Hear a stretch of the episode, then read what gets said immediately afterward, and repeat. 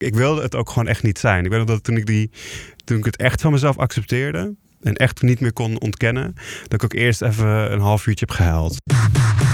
En ze leefde nog gay en gelukkig. Het sprookje van de LHBTI plus vrijheid in Nederland. In 2021 was er een hoop te vieren in Nederland. Het burgerlijk huwelijk werd 20 jaar geleden opengesteld voor paren van gelijk geslacht. Het COC bestond 75 jaar.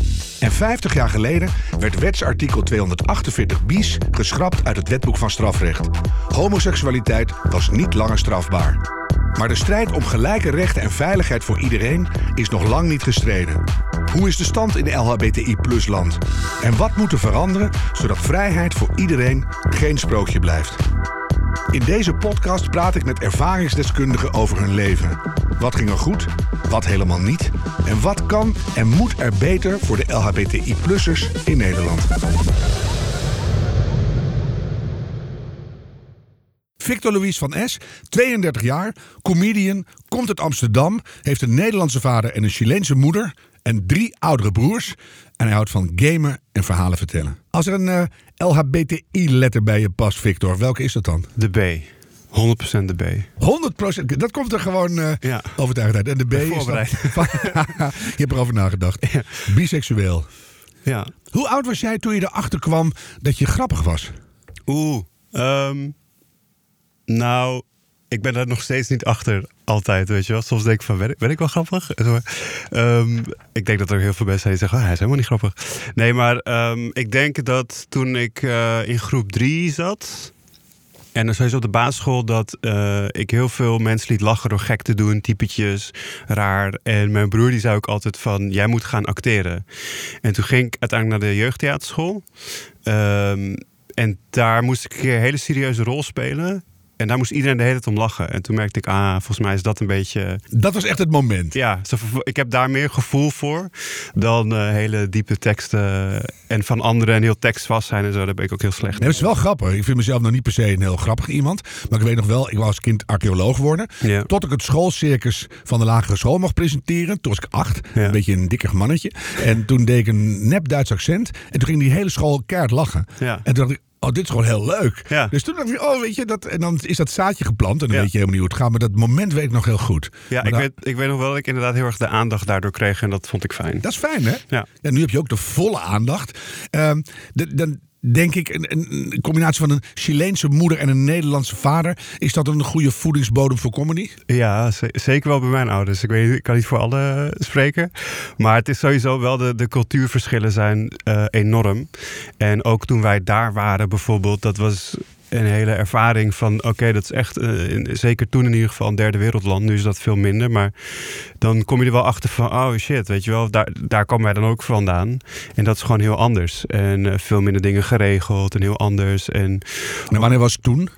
ik was toen, denk ik, acht en tien dat we daarheen zijn gegaan, twee keer. Dik 20 jaar geleden. Ja, ik ben daar ook nooit meer teruggegaan. Eh, omdat, ja, ik, het kwam er nooit van. Het is ook hartstikke duur. En eh, ja, de enige keer dat ik wilde gaan was toen mijn oom was overleden, maar toen kon het ook niet. Ja, dan voelt het ineens ver weg. Hè? Ja, best wel. Ja, ja. Want hoe Chileens vind je jezelf? Eh, niet eigenlijk. Ik denk dat het, ehm, ik denk dat ik echt gewoon wel 80% Nederlander ben.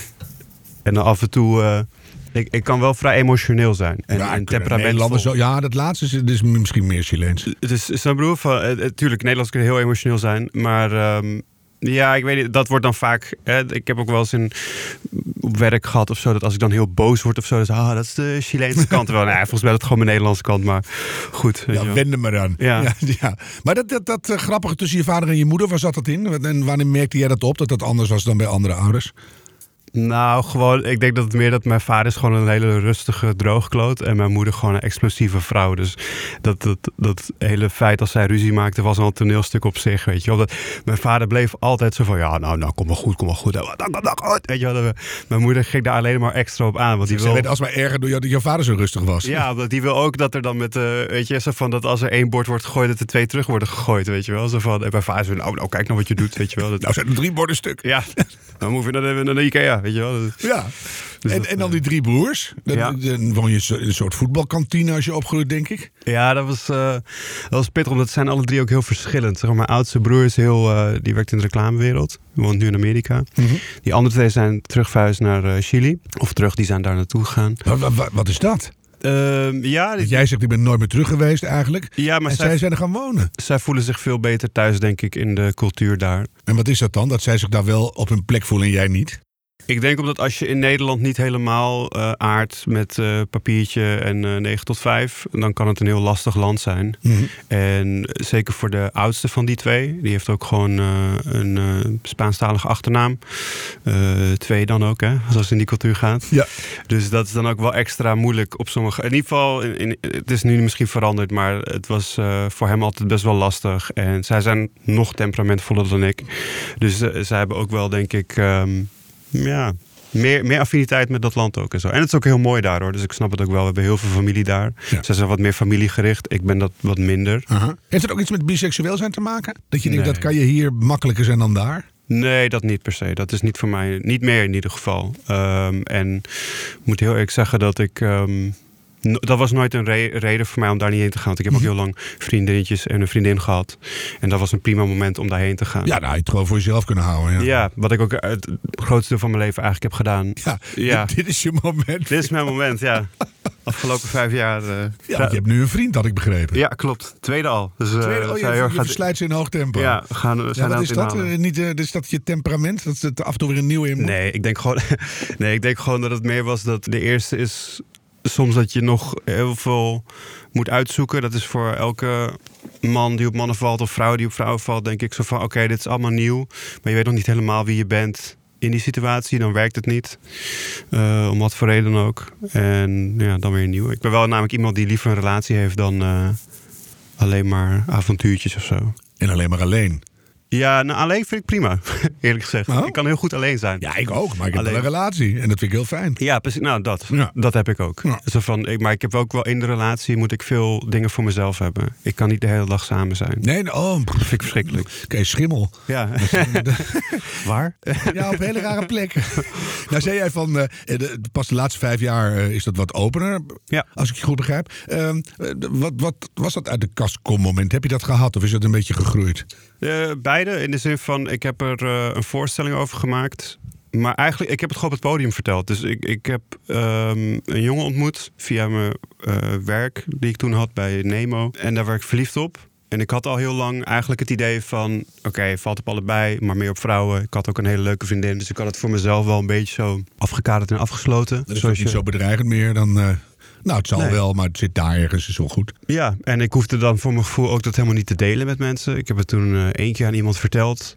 eh, toen ik wat op had. Van, nou ja, ik zal wel eens, weet je wel. En ik had altijd van die theorieën van, eigenlijk zijn we allemaal een beetje bi, toch? Weet je wel, dat, dat is altijd iets wat ik wel... Ja, dat komt Dus goed uit natuurlijk. Gewoon. Precies, dat was een beetje zo uitbreken voor eigen parochie, zeg Ja. dat goed? En toen, maar toen was ik verliefd geworden en toen ja, is het balletje eigenlijk gaan rollen. Ben ik gewoon steeds meer mensen het gaan vertellen. En zeker toen ik met hem een relatie had, heb ik het gewoon aan mijn persoonlijke kring en iedereen verteld. Ja. Uh, maar op het podium heb ik het eigenlijk gewoon. Ben ik ooit begonnen met een stuk over dat ik met een jongen aan het daten was. En dat het een beetje onwennig was. En eerst dachten heel veel comedians van. Oh, het is gewoon een hele rare nieuwe bit of zo. Ik weet niet zo goed waar die naartoe wil gaan hiermee. Hoe ging die eerste keer? Weet je dat? Waar stond je? Comedy Café was dat. Ja. In Amsterdam. En ik denk. Het was volgens mij een open podium. En ik vertelde gewoon zoiets van. Ja, ik was op Tinder en toen eh, ging die per ongeluk op mannen. Ik weet niet precies. Eh, dat heb ik echt ook een keer meegemaakt. Mensen geloven dat nooit, maar dat is echt zo. Dat ik gewoon aan het swipen was op vrouwen en toen opeens waren daar mannen. Dus misschien waren alle- alle vrouwen op of zo. Dat was gewoon God die ingreep in je Ja, leven. de Tinder-algoritme Ja. die gewoon zei van luister duurt. Wat ben je nou aan het doen? Ja, je swipe te veel naar links. Dit is verdacht. en ehm, ja, toen, ehm, even kijken, to- to- toen heb ik dat eigenlijk gewoon zo verteld. En dat was een heel ongemakkelijk eh, verhaal, staat ook op YouTube, de, de, de afverversie. Mhm. Van dat die jongen mij wil zoenen en ik hem niet. En ehm, dat was gewoon een heel leuk stuk. Toen, even kijken, toen had ik op een gegeven moment een twist, want dat was pas na een paar keer. Dat ik veel grappen maakte over homo's en eh, vallen op mannen. Met een, met een knipoog wel, niet naar, maar gewoon een beetje zo van toch wel een beetje om ze lachen. En toen was de twist, maar, uh, maar dit is wel echt gebeurd. En dat, dat, dat, dat zorgt altijd voor een hele leuke dynamiek. Want opeens werd het zo van, oh, we hebben je uitgelachen. Ja, nu wordt het, nu wordt het ongemakkelijk. Een soort pijnlijkheid ja. komt er dan in. Ja. En zo, ik weet, was een soort spiegel die dan eventjes van, oh kut, ja, ja. alright. En hoe ver, hoe ver ga je dan in je openhartigheid? Want dat iemand jou wil zoenen en jij hem niet, nou, dat vind ik nog wel, kan ik nog wel handelen. Nou, ik moet je eerlijk zeggen dat ik daar nu wel, uh, volgens mij ga ik best wel open. Kijk, er zijn sommige dingen die niet deel. Bijvoorbeeld zoals mijn eerste echte zoen of uh, vrijpartij met mijn ex-vriend of met mannen. Dat hou ik wel een beetje voor mezelf. Uh, maar in principe vertel ik wel altijd wat er is gebeurd. Bijvoorbeeld zoals, ik vertel niet in detail hoe bijvoorbeeld mijn ouders ruzie maakten vroeger. Maar in mijn eerste voorstelling gaat het wel over dat mijn ouders vroeger veel ruzie maakten. En wat het met me deed en waarom dat was. Dus het is een beetje zo van ik ben heel open over mezelf, maar niet over privé-privé. Maar dat is ook omdat heel veel ja, mensen... Je pakt er natuurlijk dingen uit, alleen wij weten niet precies waar dat precies. privé begint en jouw fantasie doorgaat. Ja, en dus dat, dat, ja. dat is altijd goed. Het is wel inspiratiebodem. Ja, ja, en dat probeer ik altijd zo trouw mogelijk te doen. Omdat het is natuurlijk ook zo dat alle mensen die met mij uh, zijn in mijn leven... Uh, die kiezen er natuurlijk niet voor om uh, erover te praten. Ik zeg niks meer tegen je, want ja. voor je het weet hang ik in het comedycafé. Ja, ja precies. Ja, dus, dat nou, ik heb wel regelmatig thuis zitten kijken naar comedy-series... dat mijn partner zei... Wat Hè? Ik zeg, ja, dat was drie jaar geleden, weet je nog, met dat dekbed overtrek. Ja. En dat, je, gaat het, je gebruikt het toch allemaal. Dus uh, mooi. En toen moest je, je je ouders nog bereiken? Of uh, wisten die het al? Nou, ik heb het mijn moeder vrij snel verteld. Uh, mijn vader die... Die gooide het kersenviesstuk? Nee, nee, nee. Mijn moeder reageerde heel lief. Gewoon mijn, meteen lief? Uh, ja, ja, maar mijn moeder en mijn vader waren eigenlijk nooit het probleem. Hoor. Ik was um, wel bang voor hun reactie, maar dat was meer dat ik zelf er iets van had gemaakt wat heel eng en ver verkeerd zou kunnen zijn. Want mijn moeder die werd meteen emotioneel, pakte mijn hand vast en zei: Wat goed dat je dit vertelt. En uh, zei: Het wordt er niet misschien makkelijker op. Want uh, er zijn veel mensen helaas die uh, je dit niet gunnen. Veel ouders zeggen dat, hè?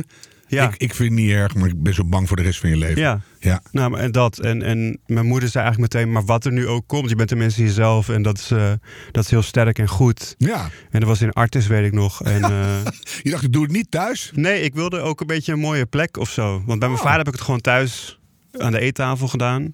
En mijn vader die moest het even verwerken, maar dat was ook een beetje mijn schuld. Want toen ik 16 was, had ik al een beetje zo door van dat daar ook iets zat bij mannen. Mm -hmm. En toen vroeg mijn vader een keer zo van, heb je nou een leuk eh, vriendinnetje? En toen zei ik, nou pap, ik ben veel meer van de mannen.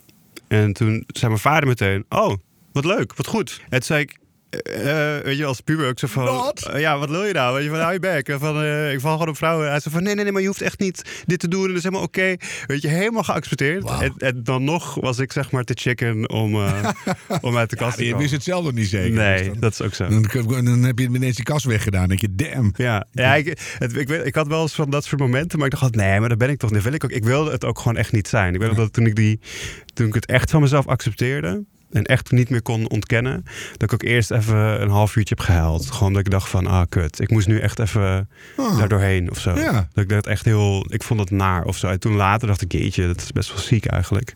Dat je zo over jezelf denkt. Maar ja, daar kies je ook niet voor, zeg maar. Nee, maar dat krijgen we allemaal in onze opvoeding en in onze cultuur en zo. En daar ja. zitten we ook met z'n allen. Hey, en dan heb je die, die humor. Is die ook biseksueel? Zijn dat grappen die op twee benen hinken? Uh, nee, niet per se. Ik denk, hoe bedoel je dat? Als in, uh... Als in flauwe vraag. Maar bedoel, uh.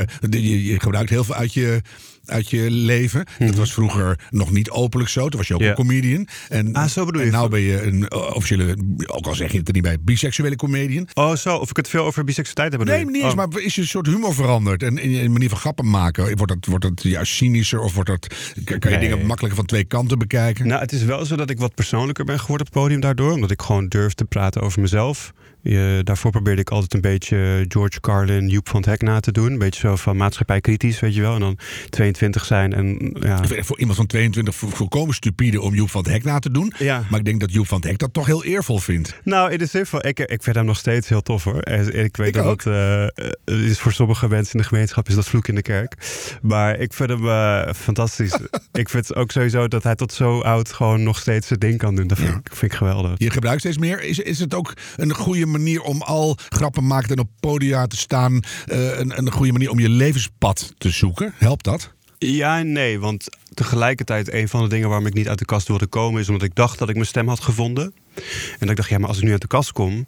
dan is al het harde werk voor niks geweest. Ja. Dan ben ik ineens eh, de gay of bi... Of iets anders in ieder cabaretier. geval. Ga, Ja, ik ga er niet aan morrelen. ik, ik was ook heel bang van... Oh, dat, dat misschien dat ik dan nooit meer bekend zou kunnen worden of zo... op de manier dat ik dat zou willen. Terwijl nu boeit me dat helemaal niks. Zo, je helpt het wel zelfs. Ja, terwijl Omdat heteroseksuelen geen piano kunnen spelen. Ja, nou, ik kan ook geen piano spelen helaas. maar eh, maar eh, weet je, het is meer zo van... Ik weet nog dat ik, wil, ik wilde vroeger heel graag eh, gezien worden. Ik ben ook begonnen met het idee van... ah, ik moet de grootste en de beste en de meest bekende cabaretier worden. Of zo. En nu heb ik dat helemaal niet. Of zo. Ik vind het helemaal prima waar ik ben. Ja. Of zo. Ik weet, ik bedoel, Je bent meer mens geworden. ja, het is ook meer zo van, vind ik dit leuk om te maken en te doen? En vind ik het ook, soms heb ik namelijk het idee dat ik nu iets te veel het heb over mijn geaardheid. Dat hoort toch zo? De eerste drie jaar van Dit Was Het Nieuws ging alleen maar mijn grappen voor de helft. Welk Ja. leerfeestje ik nu was geweest. Ja. En dat heb ik niet eens zelf bedacht, kan je nagaan. En op een gegeven moment zijn we na een jaar of drie, vier... Zullen we erover ophouden? Ja. En toen kwam nog een keer Dolf Jansen. Toen ging het over een roze woonboot. En toen riep Dolf, woon jij daar Harm? Toen zei ik, ja. En elke week komen al mijn vrienden gewoon gezellig vieze dingen doen op mijn roze boot. En toen was het echt klaar. Weet je? Ik bedoel, dat zakt vanzelf natuurlijk af, denk Wat, ik. wanneer ben jij uit de kast gekomen? Oh, in 1843 of zo? Hoe oud was je toen? Ik was 18. 18. Maar dat oh, was in 1979. Oh, dat is wel dapper. Want ik denk in die tijd is dat veel. Nee, dat, viel ik, wel mee toen eigenlijk. Ja? Toen was er net even zo'n soort piekje. Dat en het toen, kon. Ja, dan was het wel een soort open. Ja. En toen in de jaren tachtig werd het weer wat erger. Maar dus, ja, dus zodra die deur open ging, ben jij gewoon meteen die kast uitgestopt. even eruit. En toen ging hij weer dicht. like, ah, kut. Ah, shit. Nu is het onveilig. Wat? Meteen zat er nog tussen. Ja, dat- was niet de deal. Kut. ja, maar, dat, ja, maar je ging ook studeren, dan kan je ook weg thuis en zo. En ik was ook best wel bang voor mijn ouders. Dus ik dacht van, hoe, valt het allemaal hier? Maar die- je bent dan gewoon eigenlijk al zelfstandig je leven aan het leiden. Ja. Dus dan, dan hoort het, die, die leugen moeten dan uit. Ja. En voor de rest... eh, Maar ik, ik, vind, ik blijf het altijd wel knap vinden als ik me. Want ik kom natuurlijk ook wel eens mensen tegen. En dan eh, over die, die, die bi of gay zijn of lesbisch. En dan hoor ik soms verhalen inderdaad dat die op 18, 16, 14. gewoon altijd van zichzelf. Want wanneer wist je het dan? Want Tien. 8, 10. En dat heb je ook echt? gewoon toen geaccepteerd. Nee, toen zei ik niks toen ik tien was. Nee, maar tegen jezelf. Als in Ja, eigenlijk wel. Ik dacht Ja. meteen, oh ja, dat klopt wel eigenlijk veel Ja. leuker. Ja. Dus hij moet dus wel gewoon eh acht jaar lang mijn smoel houden. hè? Ja, nee, maar dat, dat vind ik dus ook best wel sterk daaraan. Dat je op zo'n jonge leeftijd dat geaccepteerd. Ja, dat is gewoon zo. Dat is niet sterk of zwak voor mij hoor. Ik had gewoon eigenlijk ook wel mazzel. Dat je Ja. het dan weet. En dat je niet gaat twijfelen. Want er- ik ben natuurlijk, ik heb heel veel vriendinnetjes versleten. Want dat hoort er dan bij. Ja. Maar dat was altijd zo, ja, ja, het mag nog even niet anders. Ja. En dan, eh, ja. hey, maar je hebt nog drie broers. En eh, die Ja. wonen allemaal heel temperamentvol in Chili. Twee, ja. Eentje, En- nou, eentje en hoe in vonden die Amerika. De oudste, eh, geen probleem. Ehm, die had het ook wel een beetje verwacht. Had een, eh, een inmiddels ex-vrouw Mhm. die eh, ook in de tv werkte. En die had mij toen één keer gezien en die zei: Ik wil niet heel veel zeggen, maar die is niet alleen van de vrouwen. Dat kan ik je wel vertellen. Ehm, Nee, dat zei ze niet. Ja, nee, echt. Nee, Zo- dat zo zei ze- dubbel. ja, maar nee, maar gewoon zo van. ehm, ze zei gewoon zo van: Ja, ik zie het gewoon. Er zit meer aan of zo. Ja, zo van lieve jongen. En eh, die pushte hem ook een beetje van. Want mijn ouders zeiden van nee, dat is onzin. En ze zeiden nee, maar jullie moeten ook een beetje dat klimaat voor hem scheppen. Want het is zo macho gebral en gelul. Ja. Tuurlijk komt hij niet uit de kast. Want die twee anderen, die waren he- heel erg daartegen. En die zijn wel bijgedraaid omdat ik uit de kast ben gekomen. Maar Hmm. het was wel in het begin heel moeilijk. Die vonden dat toch wel, weet je, het is ook zo. Bij mij thuis was het altijd toch wel een soort van de roast gaande. Van wie dan ook. Weet je wel, eh, iedereen behalve mijn moeder eigenlijk. Ehm, want die, die, die kon er niet zo goed tegen. Nee. Maar onder de mannen was het wel allemaal gewoon elkaar een beetje uitlachen en, en grapjes maken. Dus het was natuurlijk wel al snel dat soort geintjes. Maar aan de andere kant, net als bij al mijn vrienden. Eh, sinds ik uit de kast ben gekomen, is het alleen maar hechter geworden. En je broers zijn bijgedraaid. Nou, eentje toch wel wat minder. Die blijft gelovig. Dus het is wel zo van. Helpt ook niet, hè, vaak. Nee, want je, je komt niet verder dan zo'n punt van... ik hou van je, je bent mijn broer, het gaat nooit veranderen... maar je gaat wel branden in de hel. En dat is altijd een beetje zo, ah, oké, top. Weet je, hetzelfde als dat ik zeg van... luister, ik heb superveel respect voor je dat je gelooft... maar ik vind het heel dom. En dat is like, ah, oké. Ja. Het is toch altijd eindigen Maar je met blijft een broer. hè? Ja, het is toch een soort afwijzing. Ik ben ooit geïnterviewd door Dick Swaap, de hersenchirurg. En die heeft Ja. in zijn boek eh, een quote van mij gezet. Ik wil niet naar de hemel, daar ken ik toch niemand. Nice. Dus dan gaan wij wel met z'n allen gezellig branden in de hel. toch? Ja, lijkt me lekker toch warm. Lijkt me Ja. leuker. Ja, dus dat, dat, dat blijft dan toch altijd een beetje lastig achter je aanslepen. Zo'n eh, zo'n broer die niet wil. Misschien komt dat nog. Hè. Dat heeft ook soms tijd nodig. Wat is het echte. Ja. hoogtepunt in je leven? Is dat er? Kleine comedie staan, eh, Lowlands. Oh ja. Ik denk eerste vriendinnetje, eerste vriend... nu samenwonen met mijn vriend. Vergelijk die eens. Eerste vriendinnetje en eerste vriendje. Ja, eigenlijk los van eh, de logische verschillen, niet zoveel verschil. Gewoon ontzettend verliefd. En dat is ook hoe ik echt wist dat ik op allebei viel. Omdat ik dezelfde gevoelens had voor hem als dat ik voor haar. Wist je dat dat kon eigenlijk toen je dacht van er komt een man in beeld? Of dacht je het verschuift nu, ik word langzaam homo? Uh, eerst wel, maar ik merkte gewoon dat ik nog steeds naar vrouwen verlangde. Net als dat ik nu nog steeds vrouwen heel mooi vind. En af en toe ook wel kan missen of zo. Omdat ik een, gewoon een monogame relatie heb. Ja, maar dan heb je, met een man. Heb je een man. Ja, maar dat is natuurlijk ook heel fijn. Dat hoef ik jou niet uit te leggen, denk ik. Maar, uh... ja, ik verlang nooit naar een vrouw. Tenminste, niet op die manier. Nee, dus maar... dat lijkt me ook best wel verwarrend. Ja, soms. Ik bedoel, ik weet ook... Ik probeer op zulke dagen ook te bedenken... als ik met een vrouw zou zijn... zou ik ook nu naar een man verlangen. Want ik ben na mijn ex-vriend ook wel met vrouwen geweest. En dan had ik het af en toe ook dat ik dacht... oh ja, ik heb nu wel even zin in een man. Of die energie, ja. die dynamiek. En ja. maar ik, ik weet wel... Vrouwen weer boos. Wij zijn ook energiek en dynamisch. Ja, zeker, zeker. Maar anders. Ja. Soms anders. Al die hoogtepunten, er zijn er vast nog veel meer. Dan wil ik ook je dieptepunten weten, zijn die er? Nou, dieptepunt is denk ik, even kijken. Nou, de eerste keer dat ik met een man naar bed ben geweest, echt de e-, eerste, eerste keer. Dat was via zo'n website, weet je wel, en uh, ontmoet. En uh, ik weet dat ik zo erg van mezelf walgde. Dus daar moest ik even doorheen. Ik vond het echt heel, weet je, ik vond het heel naar. Want uh, überhaupt seks, nou, seks met een man hebben. Ja, nou de ervaring was gewoon ook niet zo goed hoor. Maar het was ook gewoon, um, ja, ik gaf dus eigenlijk uiteindelijk toe, zeg maar, weet je wel. En toen een soort van daarna was het zo voor het beseffen, oh shit, wat heb ik eigenlijk gedaan? En oh god, oké, nee, dat ben ik toch niet en zo. Dus dat. Mm uh, ik ben ooit afgewezen voor de toneelschool in Amsterdam. Dat is ook niet fijn? Nee, ik ben één keer afgewezen. En de tweede keer ben ik niet gegaan naar de tweede ronde van de auditie. Omdat ik te bang was om nog een keer afgewezen te worden. Dus ik ben gewoon niet opkomen dagen. En ik weet dat ik toen thuis kwam. En mijn toenmalige vriendin die was toen bij mij. En dat ik gewoon bij haar op schoot ben gaan janken. Uh, met mijn hoofd op de Ja, maar daar zijn ze voor ook, toch? Die partners? Ja, nee, ze was ook heel lief over. Maar ik weet wel dat ik er echt kapot van was. En de tweede keer in ieder geval dat ik mezelf ja, gewoon heel erg teleur, had, teleur had gesteld in van... Kijk, dat je, niet, dat je niet haalt is niet erg, maar dat je het niet eens probeert. Dat is eigenlijk nog erger. Ja, maar ook wel heel mooi dat je jezelf op tijd beschermt voor sommige dingen. Ja, ik denk alleen niet in die situatie. Krijg je geen punten voor, maar het is ook wel misschien wel heel verstandig. Ja, ja, ik denk op dat... Ja, misschien wel, maar ik denk dat in, dat situa in die situatie had ik dat van niet. Ik ben ook benieuwd, dus zijn er dieptepunten in jouw leven die te maken hebben met jouw biseksualiteit? Nou, wat ik net zei van die, met die eerste keer met een man. Eerste man, maar dat is gewoon een hele, hele persoonlijke, maar maatschappelijk, een beetje met je natuurlijk. Zijn er nog andere momenten dat je dacht van, oh man, was ik maar gewoon hetero, makkelijker? Ja, nou, dat, ik heb dat wel af en toe als ik bijvoorbeeld merk dat bijvoorbeeld biseksualiteit niet helemaal op dezelfde niveau uh, zit qua andere geaardheden of uh, geaardheden. Ja. Dus van hè, dat hetero, homo, lesbisch, nou, dat snappen we allemaal.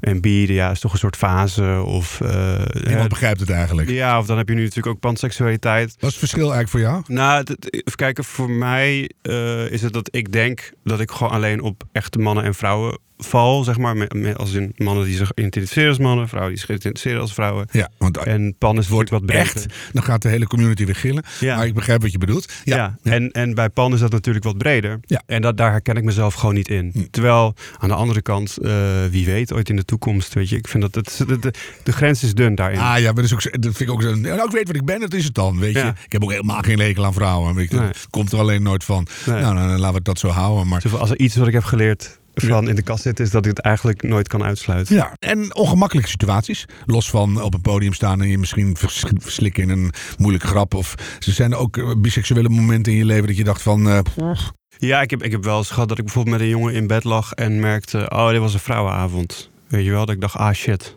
Ja, net in de club was het soort van: oké, was dit de situatie van: oké, we gaan samen naar huis.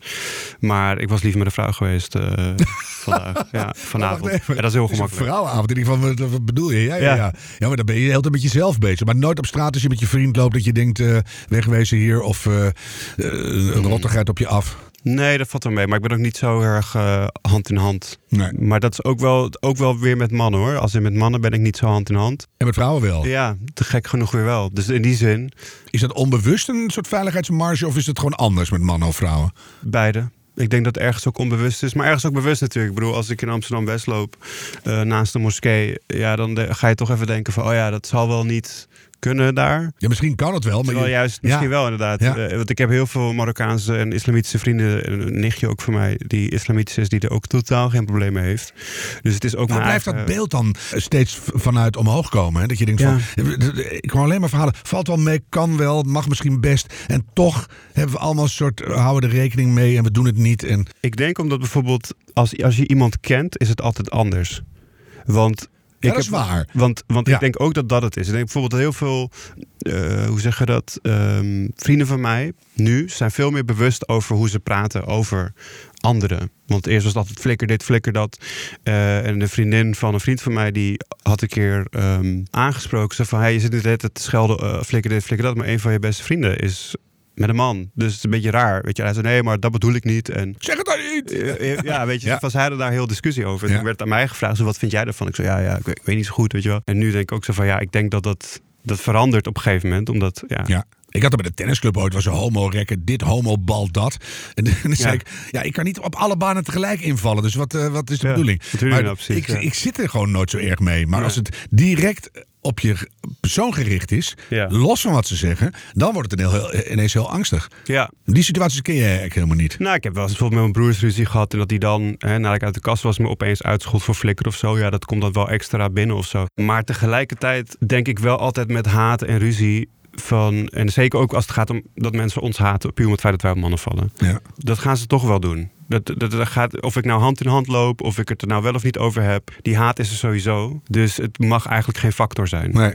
Kijk, als je naar een ander land gaat en je bent niet helemaal bekend en vertrouwd daar, ja, dan moet je natuurlijk er wel rekening mee houden. Het is wel iets waar je rekening mee moet houden. Je moet wel realistisch zijn. Mhm. Maar je hoeft niet jezelf weg te cijferen ervoor. nee. Maar dat is natuurlijk een hele lastige schaal waar je op wegglijdt. Zeker. Komen we, komen we ooit in een land dat we in Nederland eh, echt vrij zijn? Dat iedereen echt kan zijn wie die wil zijn? Ik denk dat wij ook. Ik denk dat wij echt vrij zijn. Alleen ik denk dat. ehm, Als je echt te, te, te gek zelf jezelf bent, dan krijg je de, de vuilnisbakken naar je hoofd. Jawel, dat wel. Het is ook natuurlijk wel een. eh, Dus maar die is vrijheid? Ja, maar die heb je altijd. Weet je wel, ik bedoel, nu is het heel erg eh, op ons gericht, I guess. Als ik moslimvrienden spreek, dan hebben zij weer heel erg het idee dat zij worden benadeeld en dat zij zich constant moeten aanpassen. Dus Mm. het is ook soms dat je heel erg, ja, het gaat jezelf aan, dus het valt je meer op.